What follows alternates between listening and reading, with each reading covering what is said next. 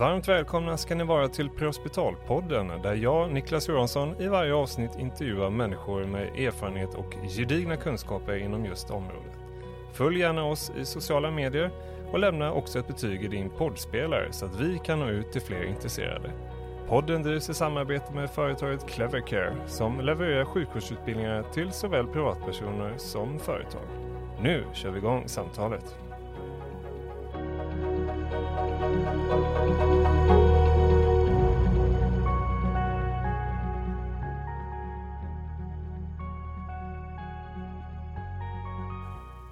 Där ska ni vara välkomna till ett nytt avsnitt utav Prehospitalpodden och återigen har jag med mig min gäst Tony Strömberg. Välkommen Tony! Tackar, kul att vara tillbaka. Ja, det Känner var... sig lite hemma här i studion. Ja men verkligen, du är en återkommande gäst kan Tackar. man nu säga nu. Då, ja, det liksom. kan man säga. Du Tony, du var ju här sist och då pratade vi om eh, den här skjutningen som var på Vårväderstorget. Mm. Eh, idag ska vi prata om någonting helt annat på en helt annan plats i världen. Du har nämligen eh, arbetat som volontär vid eh, ambulanssjukvården i Guatemala City. Det stämmer, det stämmer. Eh, då blir den naturliga följdfrågan, hur kommer det sig att du hittade dit?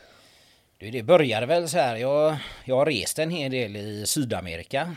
Så att eh, jag var en gång i Peru för några år sedan. Eh, och då har jag alltid gjort så när jag reser att jag försöker besöka en eh, ambulansstation.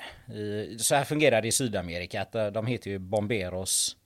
Så att man, man kör det gamla stuket. Att det är brandkår och ambulans. Lite som det var i Sverige förr. Så då var jag och besökte en sån station i Peru och var väl, hade väl varit där en timma på lite visning och tittade på materialet och då, då, fick de ett stort larm. Och då var det att ett eh, hus hade rasat. Så att de fick springa iväg och vet, jag gick ut och skulle ta lite bilder på gatan och så åkte de och så skulle jag tacka för mig då till han som var ja, brandchef på stationen. Men då sa han till mig att eh, det låter som det kan vara lite allvarligt här. Eh. Vill du följa med? Så jag, jag hoppade in och så åkte jag med ut till olycksplatsen. Så när jag kom där då så hade de ju tagit fram en skadad patient då ur eh, den här byggnaden som hade rasat och så lastade de in henne och puttade in mig bak i ambulansen där och så var jag med där bak till, åkte till sjukhuset. Jag visste ju inte ens var jag var riktigt någonstans. Men då visste de att du jobbade på ambulansen i Ja precis, Sverige. precis. Men jag hade ju alltså, jag hade ju vanlig kläder så jag hade ju jeans och tröja och ja, såg ju inte ut, eh, folk såg ju såg ut som en riktig turist där. Ah, vilket förtroende du fick från första start. Här, ja, det, det, fick jag. Så att, äh, det var ju en jätte, det var ju en sån adrenalinkick. Det var ju så roligt liksom att vara med i den här annorlunda miljön. Så jag var där dagen efter liksom och pratade lite med dem och tackade så mycket och liksom och då märkte jag den här värmen liksom. Då, då sa de så här liksom att ja, men nu, nu är du en i familjen. Och jag fick tröjor och kepsar och badgar och så sa de liksom att nästa gång du kommer då, då bor du hos någon av oss liksom. Då ska du inte bo på hotell utan och då kände jag det liksom, fan vilken värme alltså. Det här är ju helt fantastiskt.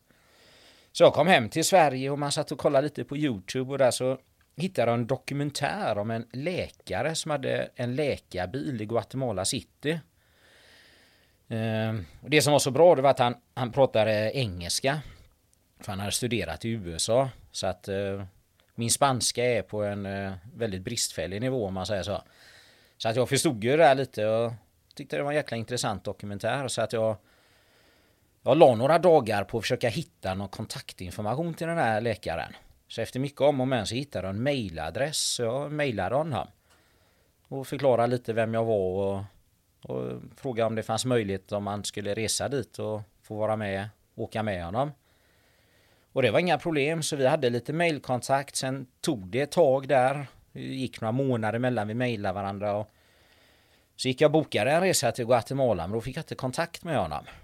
Jag tänkte han kanske har bytt eh, mailadress eller någonting så att jag åkte ner till Guatemala City där och lyckades googla upp eh, vad huvudstationen hade för adress då eh, och kom dit och skulle söka honom. Då visade det sig att inte han jobbade kvar där. Så det var ju ingen som visste riktigt vem jag var och vad jag skulle göra där. Och de blev väl lite förvånade. De menar på det att har du rest från Sverige hit nu och vem har du pratat med? Och då hade han nog flyttat tillbaka till USA. Mm. Så att det blev ju en, eh, en liten bökig process kan man säga. Vad, men eh, måste man söka någon typ av eh, legitimation eller någon typ av arbetstillstånd eller sådär? Eller hur funkar det? Nej, efter, eftersom det är liksom volontärt, det blir frivilligt så det räknas ju inte som arbete. Så jag hade ju kollat redan innan om det är liksom vanligt ja, turistvisum och jag kollade med hemförsäkring och sånt vad som gäller. Eh, så hade jag gjort så att jag hade med mig alla liksom mina dokument med sjuksköterskelegitimation och ambulansutbildning och ja, lite arbetsintyg och så då. Eh, nu är ju de på svenska. Så, men det var ju liksom det jag har. Men eh, processen gick ändå relativt bra. Jag fick eh, anlita en jurist där nere. Eh, så fick jag boka möte med ambulansens jurist. Eh, nu är det ju så att där nere så är det ju det här tog ju ett par dagar för det kan vara så där nere med tiden. De, de kunde säga att ja, men kom här klockan nio imorgon. Och då var jag på station klockan nio. Sen kan det ju hända så att de tog mötet med mig klockan tre. Så jag spenderade ju ett par dagar sittande en, på en stol där och, och bara vänta, vänta. Men då började jag lära, lära känna gubbarna lite där nere och vi pratade och käkade lite lunch ihop och så. Så efter mycket om och men så fick jag till med det här mötet och då hade vi även med oss en eh, översättare så att vi kunde prata både engelska och spanska. Så fick jag skriva under ett kontrakt där då liksom att jag jag intygar att jag är fysiskt och psykiskt frisk och att jag inte under några omständigheter kommer stämma landet i sig eller åberopa något skadestånd om jag utan det är på helt eget ansvar då. Så när det väl var signerat så då åkte vi iväg bara till, då har man en eh, klädbutik som säljer uniformerna för dem. Så då åkte vi dit, så man får köpa sin egna uniform då. Så fick jag köpa på mig en egen uniform och sen så var det bara att sätta sig så började vi rulla. Och även de anställda behöver köpa egna kläder? Ja, eh, det är så att de jag åkte med de heter Bomberos Voluntarios. Och de har ju, he, de har ju ambulanssjukvården i hela Guatemala. Sen har du en municipal, det är ju en kommunal. Det är den kommunala delen. De har också ambulanser men bara i Guatemala City. Så i Guatemala City finns det två organisationer. Uh, eh, och det är ju lite rivalitet dem emellan då såklart. För Voluntarios är de som har funnits längst och liksom har ju hela landet. Uh, processen är ju så att det låter som att det är helt frivilligt men så är det ju inte utan de har ju anställda och de jobbar i arbetslag. Och då jobbar de varannat dygn. Så du jobbar ett dygn, ledig ett dygn, jobbar ett dygn. Så jobbar de hela tiden. Men på nätterna då kommer det volontärer. De har också ambulansutbildningen. Men de har ju ett vanligt jobb. Det var lite allt möjligt. Det var journalister, tandläkare, studenter. I alla möjliga åldrar var det. Så då kommer de in på natten och, och då täcker de ju för de som jobbar dygnet. Så oftast fick ju de ändå vila på natten när volontärerna var inne. Men ibland så var det ju någon som hade jobbat hela dagen som var tvungen att jobba natten med beroende på larm. Den som fick köra larm och kompetens och det. Mm. Så att, men volontärerna de köper också sin uniform gör de.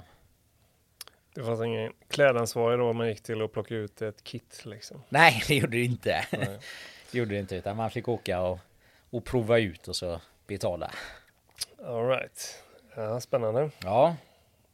Ja, och sen så satt du i möte med de här eh, juristerna då och översättaren. Mm. Vad hände sen efter det? Nej, efter det så blev det ju klädinhandling. Eh, åkte och köpte byxor och tröjor. Skor hade jag tagit med mig själv för jag tänkte att det kan vara lite svårt kanske att hitta. Och då, eftersom jag hade varit där flera dagar innan och hängt liksom på stationen så hade jag liksom redan, jag hade ju varit med och tittat i ambulansen och, och lärt känna dem så att då, då fick jag börja, då fick jag bemanna där och åka med ut då. Systemet där är ju lite så, man, man har ju olika telefonnummer. De har ju inte en larmcentral som i, i Sverige att du ringer nödnumret 112. Utan du har ju ett nummer till brand, du har ett nummer till polis och ett nummer till ambulans då. Så på den station där jag var, där sitter ju larmcentralen på stationen. Och det kunde ju vara de som jobbar på ambulansen med. De kunde gå upp och svara på lite nödsamtal. Så rings det en eh, ringklocka och så tänds det en färg då. Och då ser man vilken det är om det är ambulansen eller brandbilen som ska åka ut. Är det då ambulansen som får larmet så, så sticker man med en gång då. Så, eh, Hade de så som vi har med olika prioriteringar eller var det liksom Nej. bara att det var ett ambulanslarm? ja, Liksom? allting var larm. Mhm. Där nere ringer de kanske inte för medicinska besvär i första hand. Utan det är, det är mest uh, olyckor, trauma på något sätt. Som folk ringer för. Eh, det är ju ett... Guatemala City är ett ganska vålds, eh, en våldsdrabbad stad. Det är mycket eh, både narkotikasmugglingar som går igenom och mycket förorter. De, heter, de är uppdelade i olika zoner. De har liksom inte... I Sverige så har vi ju namn eh, så, men där, där är det uppdelat i zoner. Och många av zonerna där nere anses ju ganska farliga zoner då. Eh, så att det är, det är mycket, mycket vålds... Både med skjutvapen och knivar och macheter och sånt då. Mm. Men jag tänker om, om det skulle bli exempel någon som får ont i bröstet eller så då, då åker man in själv till sjukhus eller hur ser det ut? Ja, jag, jag har ju varit nere två gånger och vi har haft, på de två gångerna har vi varit på en bröstsmärta. Eh, då är det ju så att då har vi ju inget riktigt EKG. Det är, så här är det med, med utrustningen i ambulansen. Det är så här att du har en bår. Du har liksom de här vanliga traumautrustningen, en spineboard. Du har förhoppningsvis en syrgasflaska. Ibland kunde den vara tom. Sen har varje paramedic sin egna väska. Och den väskan består ju väldigt mycket av, eh, ja men precis som här, du har en, en pox, ett blodtryck, väldigt mycket förband, lite nålar, dropp och något läkemedel. Mm. Har det. Ja okej, så att eh, då får man fixa sina egna grejer då låter det som eller? Ja, precis. Ja, okej. Mycket kommer ju genom donationer. Mm. Eh, både från utomlands. Eh, mestadels kommer väl utomlands och sen så handlar man själv. Till exempel handskarna handlar man mycket själv. Sina plasthandskar. Så att eh, det var ju många gånger liksom man var tvungen att återanvända sin handske om du inte hade varit i kontakt med någon. Då fick man ta av handsken och försöka torka den lite och så använder du den på nästa uppdrag. En helt annan verksamhet låter det som. Ja. Det är vi vana vid i Sverige i alla fall. Ja, nej det är helt annorlunda där. Det är det. Ja, okej. Ja, eh, du blir i alla fall godkänd då för att få jobba som volontär. Ja. Eh, kommer du ihåg ditt eh, första larm du fick? Ja, första larmet som vi åkte ut på då var det någon som hade blivit ett motorcykelbud som hade blivit rånad och misshandlad då. Eh, Det, det som var det var att det, det, det går väldigt, alltså om vi jämför lite här med Sverige, vi får tydlig information. Vi har våra 90 sekunder på att ta oss till bilen. Vi kanske får mycket information på vägen ut. Vi har ju en skärm i ambulansen. vi kan läsa på ärendet. Där är det ju mer old school, det är ju, det är ju radiokommunikation. Man får mer en händelse, vad är det som har hänt, vilken adress. Och så bara åker man. Det är inte så mycket mer information kring händelsen. Man jobbar inte, man har liksom ingen samverkan över radion till exempel med polisen eller så. Utan är det ett, eh, är det ett larm så, så åker de. De, de vet inte vad brytpunkt är då kanske? Nej, jag försökte prata lite med dem och förklara hur vi har det i Sverige. Eh, Men eh, de anser att nej, så de jobbar inte så utan de åker fram och är det så att det fortfarande är en pågående handling, om det är skjutning eller någonting, då backar de. Så att de, eh, de har ingen brytpunkt. Vi pratade om, om det lite sist eh, när du var här eh, angående skyddsutrustning och sånt där. Mm. Var det någonting som de hade på sig, västar eller? Grejen var att när de har gjort dokumentären så har jag sett att folk har västar så jag trodde att man hade det. Men eh, de använder inte västar för de sa att det, det behövs inte utav den anledningen att vill de De sa att om du har väst då skjuter de dig i huvudet. Så att eh, av den anledningen tyckte de att det inte var någon idé att ha väst. De jag pratade med. För att vi- vill de eh, Vill de ta kål på en så gör de det ändå. Mm.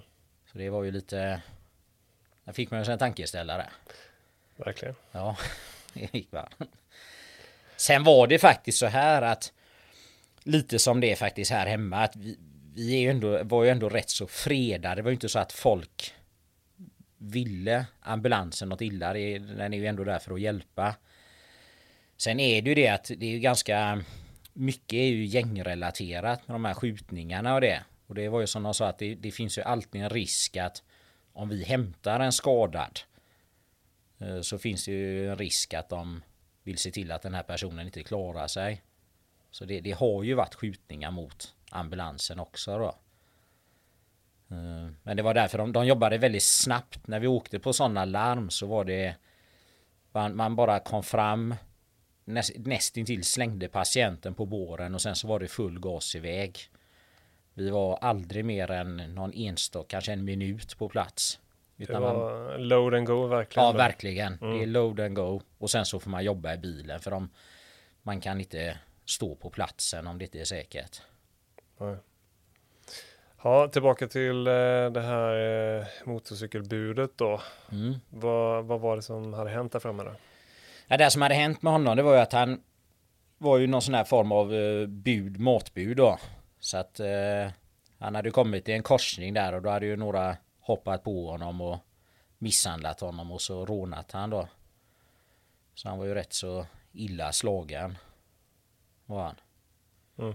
Man får ju tänka det att Guatemala City är en ganska, det är en ganska stad som präglas av stor fattigdom. Så att eh, Alltså våldsamma personrån tillhör liksom vardagen där nere. Och inte allt för sällan med dödlig utgång heller. Utan eh, vi var till exempel på en eh, relativt ung kille där de hade rånat på hans mobiltelefon. Och efter de hade tagit telefonen så sköt de honom då med flera skott eh, mot huvudet. Trots att de hade fått telefonen. Gjorde de. Så mm. att det är lite annorlunda än vad man är van vid här hemma.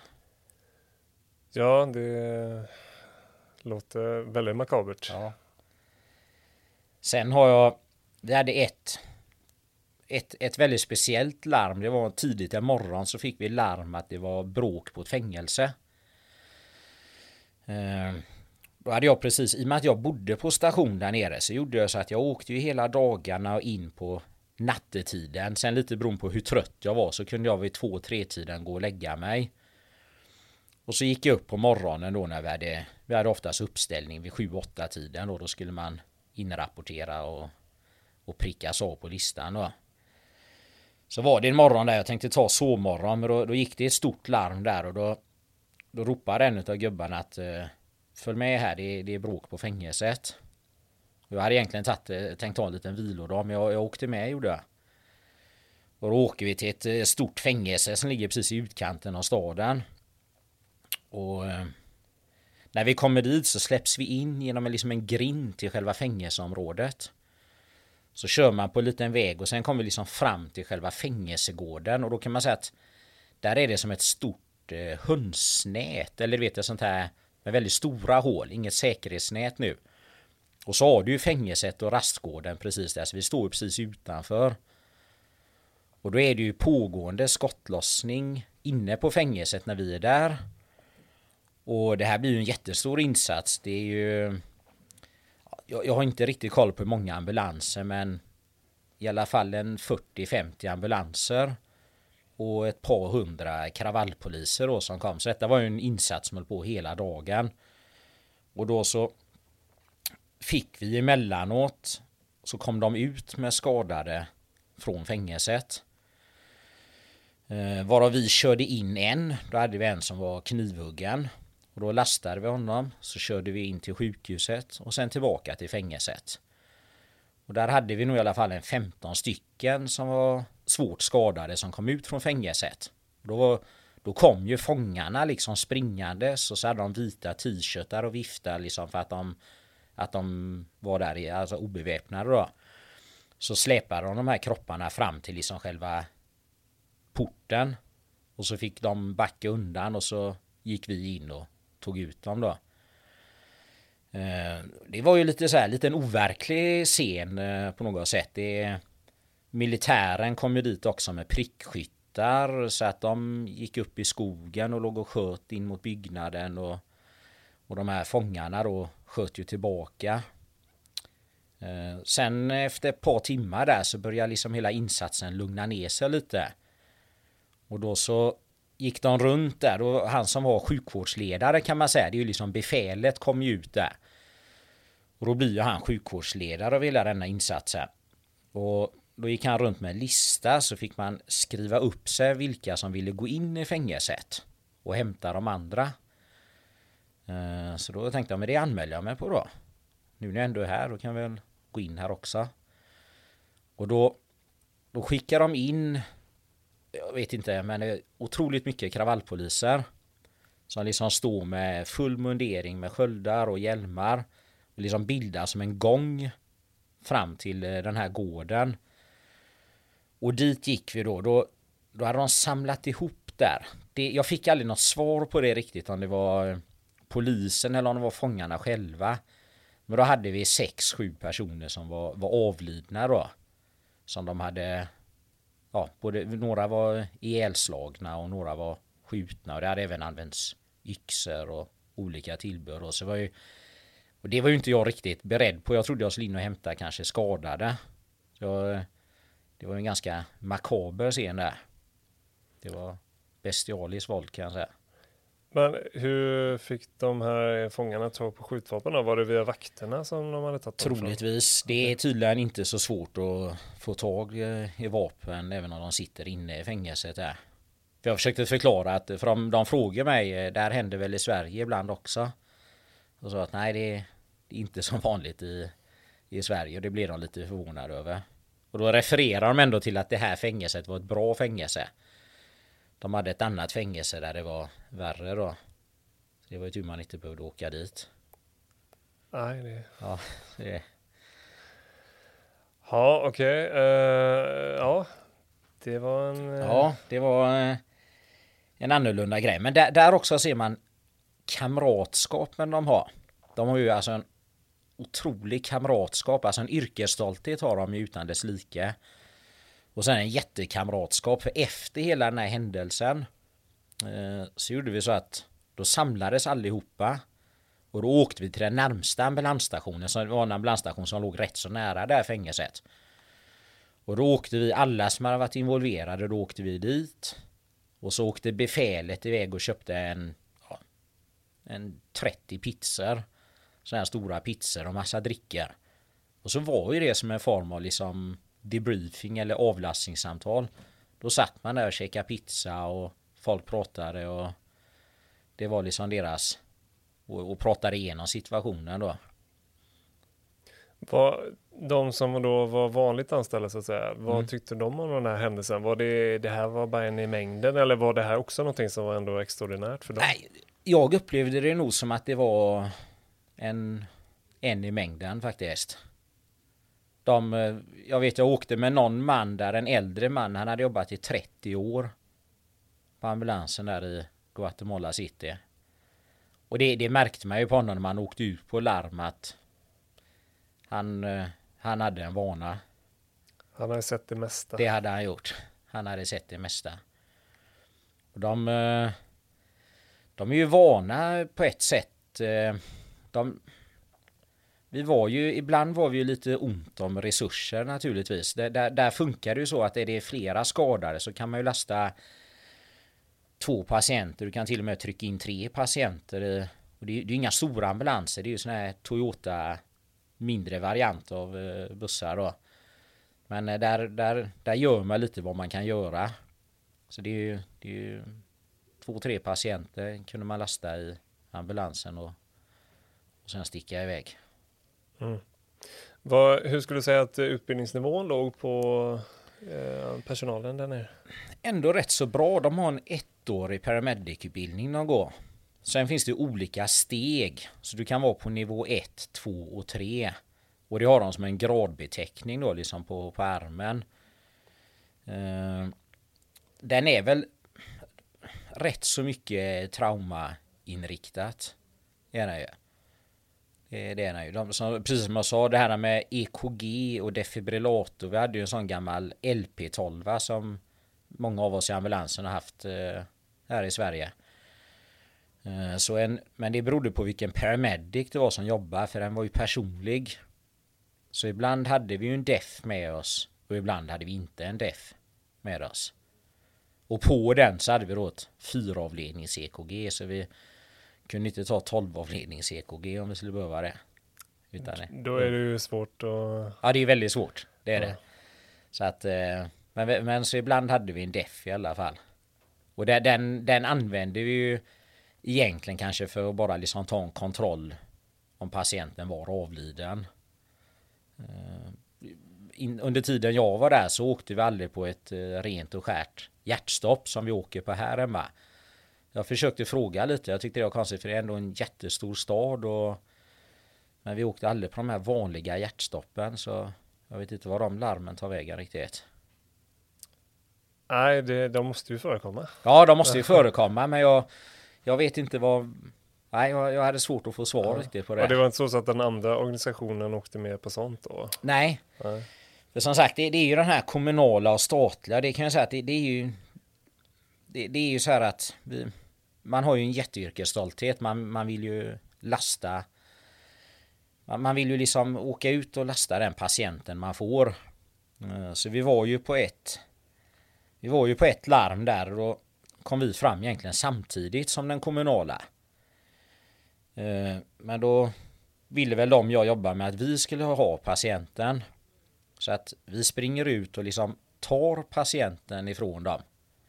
Och det här är ju en skottskada som är livlös då. Det är lite lurigt område vi är då. Det är mycket folk på gatan och det är ganska mörkt och vet så här, Det är ett område där vi inte ska stanna liksom utan vi ska lasta och åka. Och det slutar då med att det, det blir ju ja, slagsmål mellan de här den kommunala och den volontära ambulansen här då. Och mitt i allt detta så ger ju sig även eh, allmänheten in i denna fighten då så att han eh, knockar ju min ena kollega där medan jag sitter med patienten och då, då hann jag faktiskt tänka att nu är det kört här alltså. Det här kommer inte sluta bra.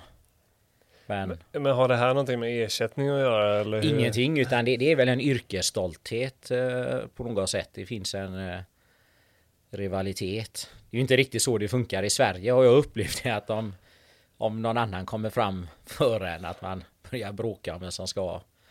Nej, det är väl nästan åt andra hållet. Ja. Eh. Sen, sen, vet ju inte jag riktigt vad allt detta grundades i, men, men dagen efter i alla fall så. För jag tänkte, jag lägger ju mig i detta jag vill ju inte börja veva här heller liksom. Så eh, men vi, vi fick i alla fall in den här personen i våran ambulans och så stack vi ju fort som fasiken därifrån. Mm. Men nästa dag så blev jag ju kallad upp då till han som är, var chef på station då. Och då ville han höra lite liksom, hur gick det igår och oh, det gick bra så jag liksom. Ja, men och så visade han med näven, ja men det var fight liksom. Ja visst och så pekade han på mig liksom, var, var du med? Nej, nej, nej, nej, nej. För jag tänkte det är väl det svaret han vill ha. Men då fick jag, nej, nej, nej, nästa gång vet du så då ska du in och bara veva till. Så, och det var jag inte. Det är jag inte riktigt, jag är inte riktigt van vid. Nej. Det är jag inte. Jag har svårt att se mig att eh, cheferna på ambulansen i Sverige hade uppmanat till, till slagsmål Nej. och Nej. rivalitet. Nej, jag tror inte det. Nej. Ja, herregud. Ja, eh, en helt annan värld, kan man säga så? Ja, men en, en helt annan värld och, och liksom Alltså personalen som jobbar där, alltså de, precis som jag sa, det är ju en yrkesstolthet som är enorm. Alltså de, de älskar sitt jobb, gör de liksom. Och de, de, många människor, de gör ju detta. Alltså de brinner ju för att hjälpa. Det är ju som sagt en väldigt fattig, det är ett fattigt land och det är en väldigt fattig stad. Så de, de som ger sig in i detta, de, de gör ju de har ju naturligtvis, de som har lön, de har ju väldigt låg lön. Så att de, de gör ju detta för att de vill hjälpa sina medmänniskor. Det är verkligen därför de, de jobbar med detta. Och de liksom med, med minsta lilla medel liksom så de, de kör fullt ut på allting. Jag tycker det, det var väldigt imponerad över. Mm, och med väldigt små medel då? Väldigt små medel ja. ja. Väldigt små medel. Ja. Men du nämnde förut att man fick köpa sina egna mediciner och ja, att precis. ibland att syrgasen kunde vara slut. Jajamän. Vad fick man tag på de grejerna? Nej, då, då åkte, kunde man ju åka till apoteket till exempel och köpa, gjorde man då. Och det var ju också väldigt olika. Det var ju vad den här paramedicen hade i sin väska. Eh, jag vet eh, vi hade en patient som var ganska han, var bränn, han hade svetsat på en bil så hade bensintanken exploderat. Så att det hade liksom, han hade fattat eld som hade liksom fått släcka den här ganska ung kille också. Och det var ju svåra brännskador när vi kom. Det var så, så att jeansen hade liksom bränts in och liksom han var brännskadad över hela kroppen och hade ju jätteont och vi vi hade ju rätt så långt till sjukhuset. Trafiken är ju som den är där nere så att vi hade väl en 45 minuter som vi satt i trafiken och försökte komma till sjukhuset och då då fick han ju tramadol intramusk som smärtlindring då. Så att det man får ge det man har helt enkelt. Ja. Sen var det mycket annat som var väldigt mysigt på ett sätt eh, som är annorlunda mot här. Det var liksom att folk kunde ju komma till ambulansstationen. Eh, jag vet det, det kom folk som hade fått insulin för första gången som har fått eh, veta att de har diabetes. Så de har varit och hämtat ut insulin på apoteket så vet de inte riktigt hur de ska ta det. Men då kom de till stationen. Och så hjälpte vi dem och gav insulin. Folk kom dit som hade problem med några gånger så kom det folk som hade problem med högt blodtryck. Då kom de bara förbi och undrade om vi kunde ta blodtrycket. Så stod vi det och så åkte de vidare. Lite som en sjukstuga mm. mm. Och även förlossning. Vi hade två stycken eh, som kom in som var höggravida där och då då kom de liksom till, kom de gående till stationen. Och då så drog vi den här äh, ringklockan. Och då kom ju alla med en gång och så åkte vi till förlossningen med henne. Mm. Så att ibland kom de till stationen och då fick man åka ut. det, det, var väl lite så kanske här i Sverige på början av 1900-talet? Ja, det var nog så. Ja, då kunde man liksom gå och knacka på där. Ja, det ja. var nog så. Ja, utan att veta. Ja, men, precis. Eh, mm, Okej, okay, men eh, jag tänkte vi skulle egentligen börja prata lite om de största skillnaderna mellan här och där nere, men det låter ja. som att vi har touchat vid ganska mycket. Men ja. vad, vad, var ändå din, de största punkterna du kände att det här Nej. är det som skiljer från vår sjukvård och där? Alltså om man jämför deras ambulanssjukvård jämfört med vår ambulanssjukvård så är våran blivit väldigt avancerad de senaste åren, både med mediciner och undersökning och ja, alla, alla typer av vårdkedjor vi har idag. Jag menar bröstsmärtor, misstänkta hjärtinfarkter, liksom hur vi både kan identifiera och behandla på vägen till sjukhus. Där var ju jättestor skillnad. Men samtidigt så var det ju ganska, det var en basic eh, sjukvård eh, med ganska ändå komplicerade patientfall. Alltså många var ju svårt skadade med multipla skador. Eh, men man, man, gjorde ändå kanske lite som man gjorde här förr, alltså att det var mer man, man ödslade inte för mycket tid utan man, man lastade och så körde liksom till, till sjukhuset med dem. Och så fick eh, läkarna ta över där. Sen var ju sjukhusen också, där är ju också en väldigt stor skillnad då, för det var ju det är ju sådana här låsta grindar då till sjukhuset så man man, man får ju liksom släppas in på sjukhuset och i, ibland så var det så, jag vet vi hade en som var knivhuggen. Han hade ett eller två hugg i thorax. Men han var vaken och stabil.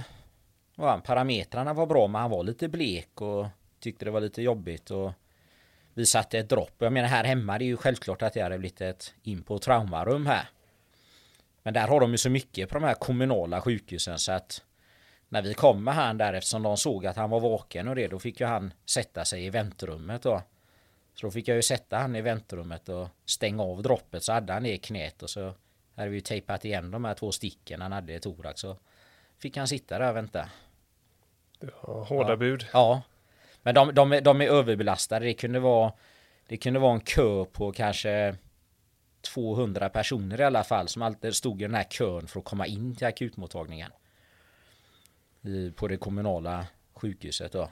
Mm. Sen fanns det ju sjukhus, det fanns ju privatsjukhus för de som hade försäkringar. Vi lämnade även på ett militärsjukhus för, för om du själv har tjänstgjort eller om du kanske är gift eller med någon som jobbar inom det militära.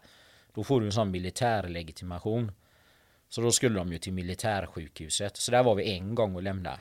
Mm. Var det bättre vård där än på det kommunala? Alltså det var ju ett eh, gigantiskt eh, område. Bara att komma in till det här sjukhuset var ett enormt område. Eh, rejält övervakat. Och där möttes man då av läkare och sjuksköterskor i en strikt eh, combat-uniform skulle jag vilja säga. Så inte riktigt kanske som eh, sjuksköterskor är klädda i Sverige. Utan det var ju en kamouflageuniform där. Och där var det inte så mycket folk och det var fin utrustning och, och så. Så mm. det var lite skillnad. Ja, olikheterna eh, ja. spel, hagla här kan ja. man säga, absolut. Ja. Eh, men du nämnde det, du var ni två gånger. Mm. Ja. Mm. Eh. Första gången blev det ju inte så det hann ju inte bli så mycket för att när jag åkte ner då till Guatemala så reste jag runt lite. Jag var, tog lite vandringar i skogar och, och tänkte jag ville se landet och så åkte jag till stationen och tog ju processen där ett par dagar. Så så blev det bara att jag kunde åka med ett par dagar där, eller ett par dygn då. Som jag bodde på station. Men sen när jag åkte ner nästa gång. Då var jag ju där i fyra veckor ungefär. Och då bodde jag ju på stationen. Så det är ju en enorm gästvänlighet. Så att jag, jag fick ju, man sov ju i sovsalar. Så jag fick ju min säng, liksom min sovsal och, och där, där liksom bodde jag. Mm. Det är typ som ett logement då? Ja, ja, ja, precis, eh, precis. Så vi, vi bodde hela laget. Eftersom ett arbetsbelag består ju både av ambulans och brand. De alternerar ju hela tiden. Mm. Ena dagen är de på ambulansen och nästa dag kan de vara på brandbilen. Vissa var ju mer på ambulansen och vissa var ju mer på brand då. Så vi var väl i varje arbetslag tror jag var en 15 personer eller något sånt där ungefär. Plus minus noll där. Mm. Så då sov vi alla liksom i ett stort rum där med, med sovsängar. Mm. Var det, hade brandkåren lika mycket att göra som ni hade eller? Nej, brand, brandkåren hade inte lika mycket att göra. Det, det som skiljer, kan jag säga att det skiljer mycket för att på trafikolyckor här så åker vi ambulans och räddningstjänst med tanke på att klippa och säkra bilen. Men där nere på, på trafikolyckor då är det ju ambulansen som åker. Så hade vi en pickup och den tog ju någon av gubbarna. Där hade man ju en liten kompressor och något hydraulverktyg då när vi skulle klippa eller bända upp. Så eh, trafikolyckor med fastklämda det är ju ambulansen. Det är, där nere åkte ju räddningstjänsten på, på bränder. Inte mm. trafikolyckor utan det löste ambulansen själva. Okej. Okay. Spännande koncept. Ja det var spännande koncept mm. var det. Ja okej okay. och eh, då var du inte, jobbade inte så jättemycket första gången då? Nej, ett par dygn bara hann det bli där. Ja okej okay, okej. Eh, hur lång tid tog det sen från att du åkte hem till att du kom tillbaka? Ja, det var inte riktigt ett år. Det var det inte. Det, det, var det inte. Så jag var, sist jag var nere, det var ju i, innan pandemin här. 2019 där, innan julen 2019. Mm. Skulle jag åkt 2020 men det blev ju inte nu på grund av pandemin. Eh, så jag bara väntar. Jag, jag har ju ja, inte daglig kontakt men varje vecka har jag kontakt med folk där nere liksom. Vi, vi hörs ju och vi skriver till varandra och så. I dagsläget så är situationen sån att de kanske kommer stänga ner gränserna igen då. Så att... Eh, men inombords så vill jag ju åka nu. Men eh, det går ju inte. vad, vad är det som lockar med detta? Om man får ställa frågan. Om jag bara skulle visste. Alltså. Det, det är en sån det är en sån upplevelse liksom. Jag, jag har ju alltid gillat att resa mycket och varit mycket i Sydamerika men när man har varit här alltså så får man ju se saker som man aldrig skulle kunna se som turist. Alltså många områden jag varit i där skulle jag aldrig kunna åka in.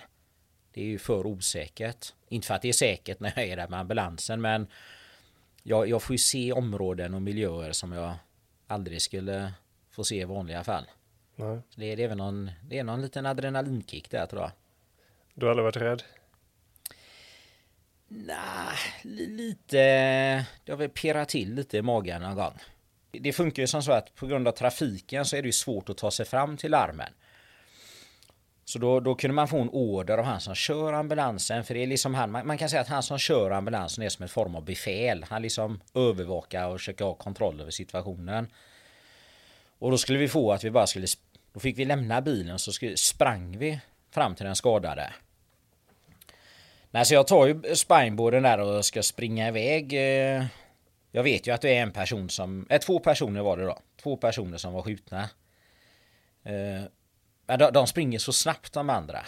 Jag, jag är ju inte en löpare om man säger så. Så att jag kom ju lite efter. Och naturligtvis så kan man ju se och jag ser väl inte ut att komma från Guatemala. Så jag tänkte det här är inte bra nu riktigt. Jag inte vet vad de är. Men då var det en kvinna som menar, liksom pekade lite liksom. Jag förstod liksom att hon menade vilket håll de sprang då. Så då kom jag ju där och då fick vi ju lasta på och så springa iväg till ambulansen igen då. Och det var för att området var så pass otryggt? Då, ja, så precis, precis. komma ut precis, då? ja. precis. Så det, man bara lastar och springer. Mm. Och det, det är inte så lätt faktiskt. Eh, Vissa områden de är uppbyggda lite som där man, många kanske sett de här failorna i Brasilien, liksom det här stuket. I, många områden är byggda liksom längs bergen och så liksom. Så det är ju det är inga raka väls, alltså asfalterade gator så utan det är ju lite bökigt också. Och, och springa med den här spineboarden eh, och inte riktigt alltid veta var man är någonstans. Nej, man vill ju inte hamna på någon bakgård där. Nej, Och... det vill man inte göra. Sen hade vi en till händelse. Vi hade ett bostadsområde som eh, låg precis vid en soptipp. Det fanns en jättestor soptipp. Och där var det ett rätt så ruffigt område. Så där var vi en kväll. Det var ett eh, barn som hade blivit påkörd av en bil och tack och lov klarat sig bra. Hade väl någon benfraktur där men eh, de hade tagit in barnet i huset. Eh, och jag visste redan innan att i det här området liksom så är det lite gängrelaterat då.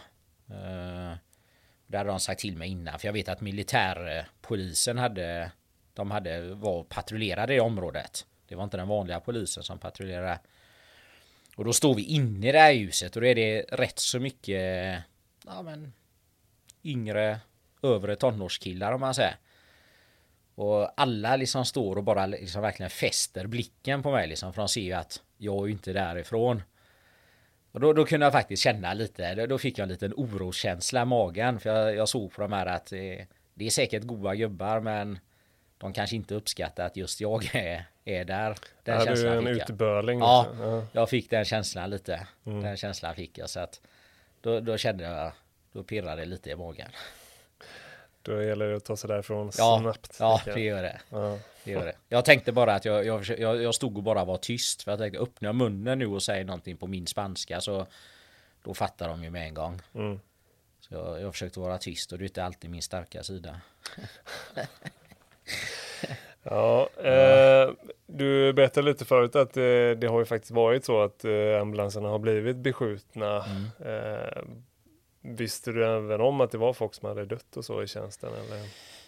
Nej, men jag, jag vet att de har blivit eh, strax efter jag åkte hem. Då var det en. De överlevde men då blev de beskjutna där med automatvapen. Jag fick bilder skickat till mig. Det var ju både genom framruta och hela sidorutorna då. Och då var det en paramedic som blev skottskadad men, men överlevde. Mm. Och då var det ju för att de hade De ville ju ta livet av den patienten de hade lastat då. Det, det, det, det är ändå inte, man kanske inte ska säga att det är vanligt förekommande, men det kan hända där. Mm. Det är ju det. Så att, och eftersom man inte jobbar med det här med brytpunkter och du har ingen direkt samverkan med polis. Eh, den upplevde jag, jag upplevde egentligen inte alls att vi hade någon samverkan. Nej, Det gick liksom inte alls att ropa på någon förstärkning där med polisen? Eller? Nej, nej. Man fick klara sig själv? Ja. Liksom ambulansen har sin radio, polisen har sin radio liksom. Ja. Så att det, då är det ju i så fall om polisen ringer in till larmcentralen så ropar larmcentralen ut. Ja. Men inte att vi har som vi har här hemma att vi har färdiga radiokanaler och kan prata. Så fungerar det inte. Berättade du om rapskanal vad det innebar? Ja, jag sa det att vi hade det men det, de använde inte något sånt system. Ja, okej. Ja, det är kanske någonting som de kan Ja, åka hit och studera då i så fall. ja precis. Ja. Men eh, du antar att du berättade lite också om hur det funkade här hemma och hur våran, eh, Mm. vårt system var Mm. uppbyggt. Vad, vad var deras reaktion på det tyckte de? Jag har ju visat en del. Jag, har ju skickat en del bilder från ambulansen och, och så här liksom. Och, nej men det är klart de blir ju liksom rätt så imponerade. Mm. Det, det blir de ju. Ehm, samtidigt, alltså vissa grejer tycker de verkar vara jättebra. och Vissa grejer kan de tycka är... Ja, kan de undra liksom lite varför. Lite som jag pratar ibland att vi- vissa patienter kanske här idag Vi lägger väldigt mycket tid på vissa patienter. Och det gör vi ju för patientens skull. Men med vissa vårdkedjor liksom Men lite de bitarna kanske de har svårt för de, de tycker väl mer liksom man ska hjälpa dem på plats in till sjukhuset och sen så finns man för allmänheten igen liksom. Mm. De vill ju liksom inte, de binder ju inte upp sig på något sätt. Hur, hur var det med journalskrivning och sånt? Var det något som förekom? Eller? Nej, inget journalsystem var det utan man, man tog eh, namn och adress på dem man hämtade. Och lämnade in då liksom så det rapporterades in. Men inte ingen, ingen journal liksom. Du, även alltså du tog ju blodtryck och, och sådant liksom. Men det var ju inget som det rapporterar över lite muntligt på akuten men det var ingen pappersjournal och ingen dokumentation. eh, Utan det är mer en statistik, namn och, Mm. och adress. Och det kostade det någonting att ringa på ambulansen? Helt, inget- grat, helt gratis. Ja, så det var ändå inget sånt då som Nej. gjorde att folk... nej, eh, inget sådant. Nej, inget sådant. Nej. Och det, det är de väldigt det är de väldigt noga med liksom. Alltså att det, det är det som är deras stolthet med liksom att behöver någon hjälp så ska de finnas där liksom. Det ska Mm. inte kosta någonting.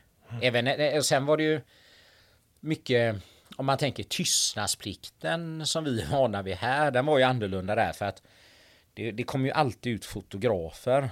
De var rätt så snabba och ibland så hoppar de in i ambulansen. Alltså de sitter i ambulansen om man stod och jobbade med en patient. Och då, där kunde de stå och både filma och ta kort. Och nästa dag i tidningen så var det ju bilder liksom på patienten. Ofta så skriver de både vad patienten heter och ibland kunde patientens adress vara med i tidningen. Så att man har ju man jobbar ju inte liksom på det sättet. Det är ett, mer upp, ett väldigt öppet eh, samhälle, men så är det ju hela Sydamerika om man läser en dagstidning. Liksom vi, vissa grejer skriver ju, eller vi, vis, visar ju inte vissa bilder här eh, hemma. Men där ser de rätt så ofiltrerade bilderna. Helt annan kultur då. Ja, helt Mm. annan kultur. Ja, men du, på de här två vännerna nu som hittills du har varit där Mm. vad, vilka största lärdomar känner du att du ändå har tagit med dig?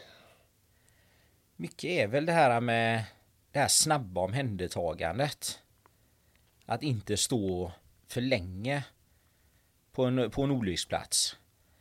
Kanske det är så med att på, på ganska kort tid där så kunde man ju träffa rätt så många som ändå var svårt skadade och då är det ju kanske av mer vikt också att snabbt komma iväg.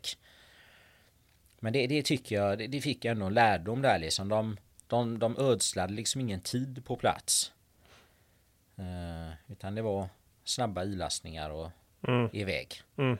Vilket ibland för mig kunde vara nästan för snabbt. För ibland eh, kunde jag kanske... Vi hade ju rullat en bit med patienten kanske innan man förstod ganska vad som hade hänt. Det, allting gick så himla snabbt. Det. Det var inte så vanligt när man gick upp till patienten och tog anamnes och Nej. kontroller Nej. och titta Nej. på läkemedel och, och sen går man in till bilen då. nej, nej, inget sådant. Utan det var, det var snabba, snabba styrningar var det. Ja. ja, det, det är väl bra när man ska tillbaka till stationen och äta kanske. Ja, ja precis. precis. Och, och, och liksom sättet. Man ser alltså man, man tar ju allting med väldigt allvar om man säger. Alltså larmen är ju så att vi har ju våra 90 sekunder på oss. Visst, vi kommer väl iväg många gånger snabbare än 90 sekunder på ett, ett allvarligt prio 1-larm. Men där var det ju faktiskt så att ibland så var det ju knappt man kunde gå liksom och, och kissa på toaletten. För då missade, det, flera gånger så missade jag ju larmen. Mm. Och då, då räckte det att jag bara kunde vara på andra sidan av stationen. Då hann jag inte springa till bilen. Ja, de, de drog bara? eller? Ja, ja, de drog. Och man står på kvällarna, man brukade stå liksom och hänga nere vid ambulanshallen är liksom helt öppen då. Ja. Det är ju sån här galler då som man låser på natten. Men fram till 11-12 så är det helt öppet och då, då står man där och man hänger nere vid ambulansen. Och, och kommer larmet så alltså inom sekunder nästan så är, är ambulansen iväg. Mm. Så var, var jag uppe liksom en trappa upp och skulle ta mig en kopp kaffe då, då hann jag ju ofta sitta ner. Då var ju den väck när jag kom ner. Mm. Så fick jag ju vänta tills de kom tillbaka. Ja, men det, de hade inga tidsramar så alls, utan det var, det var bara Ja, fort. fort Ja, iväg. med en gång. Med en gång. Oftast, han, han som kör är ju oftast håller sig väldigt nära ambulansen och sen kunde, kunde han liksom börja glida ut lite sakta så liksom folk fick hoppa på i farten och så, och så drog de. Ja, ja verkligen annorlunda alltså. Ja, ja jätteannorlunda. Du, eh, om det är någon här nu som lyssnar och tycker att det här verkar eh, spännande, så, Ja. precis som du tycker. Finns det något sätt som man kan göra det här så som du gör eller måste man ha några kontakter liksom? Det, det kändes nästan som det för att de, de berättade att jag är ju De har ju haft förut har de haft något utbildningsbyte med några paramedics från om det var USA eller Kanada. Och sen har de haft något utbyte med det engelska elitförbandet, deras sjukvårdare har varit nere då för att träna på stick och skottskador. Men annars så hade de inget folk som kom ner så här. Eh, Det, det man ska tänka på hela tiden det är att det gäller ju att se till att vara försäkrad. Sen är det det att sjukvården där är inte som hemma. Det är det man får i, i betänkligheterna bara ifall man själv blir drabbad av någonting. Att det är svårt att hitta rätt sjukvård Mm. där nere. Men eh, jag tycker det är värt det. Ja, det är klart. Men eh, finns det något sätt som eh, någon kanal man kan söka sig via? Eller det, Nej det, det, nej. nej, det var ju det jag försökte och det, det är ju rätt så svårt Mm. liksom. Utan man får nästan eh, få kontakt med någon och, och som sagt det hade varit svårt att lösa detta även hemifrån Sverige liksom eftersom man behövde anlita med jurist där nere. Mm. Så det, jag hade nog inte kunnat lösa det hemifrån liksom, utan då måste man åka ner och lösa det liksom på plats. Det, det, Det, det låter som att de var väldigt välkomnande ja. mot dig när du kom Ja. ner. Tyckte de ändå att det var nice att du kom och volontärade eller var det mer som att här kommer en praktikant som ska Nej, nej, det, det är ju det som är. Alltså, jag, de, de välkomnar ju mig något otroligt. Alltså, du vet, de eh, var så måna om mig hela tiden och såg till att jag hade det bra och du vet. Och, han som jag pratade om förut som hade jobbat i 30 år där liksom varje morgon så hade han eh, fixat lunchlådor som hans fru hade gjort till mig och han, han gjorde frukost till mig vet, och jag ville ju bjuda tillbaka. Men nej, nej, du vet, de vill inte du är gäst här liksom. Du, Mm. Så trots den här låga betalningen de har så vill de ändå liksom bjuda hela tiden. Så det är liksom otrolig vänlighet är det. Jag hoppas ju, jag har ju erbjudit folk där nere att de mer än gärna liksom får komma hit liksom och då får de ju bo hos mig i så fall om de vill och få åka lite på ambulansen här. Mm. Vad kände de inför det då? Jo det är flera som jag hade tyckt det var jätteroligt. Ja.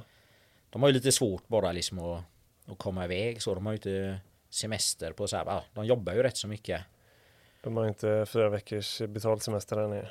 Jag uppfattar inte så det. Jag, jag, jag försökte sätta mig in i systemet där Ja. men de hade något dygn i månaden där som var utlösta så de hade typ någon helledig helg. Mhm. Men annars var det ju varannat dygn. De Det är jobbade. ett tufft schema ändå. Ja det är tufft. Det är det. Det blir inga 32,5 timmar i veckan. Nej där. det blir det inte. Det, det blir det inte. När ska du åka ner igen? Jag hade hoppats åka nu denna våren här. Men eh, får se lite vad som händer med läget där nere. Mm. Det är det. De är hårt drabbade av corona Ja är de. Ja. har det jättetufft eh, just nu. Jag pratade med en bara här i, igår. Mm. De har det rätt så tufft just nu i situationen i landet. Det är svårt att följa. Jag har försökt att titta statistik. Hur de har det. Men det är lite svårt med statistik från de länderna. Och se. Men eh, när jag pratar med dem där nere så säger de att det är, det är tufft. Är det. Mm. det är riktigt tufft. Ja, vi hoppas ju såklart att eh, det släpper här snart nu med corona. Så att, eh, eh, tack så jättemycket Tony för att du har varit med i detta avsnittet också. Ja, Vem vet, vi kanske hörs igen eh, inom kort. jag. Efter din eh, nästa tur till Ja. Guatemala kanske. Precis. Ja. Men eh, som sagt, tack så mycket för de här två avsnitten.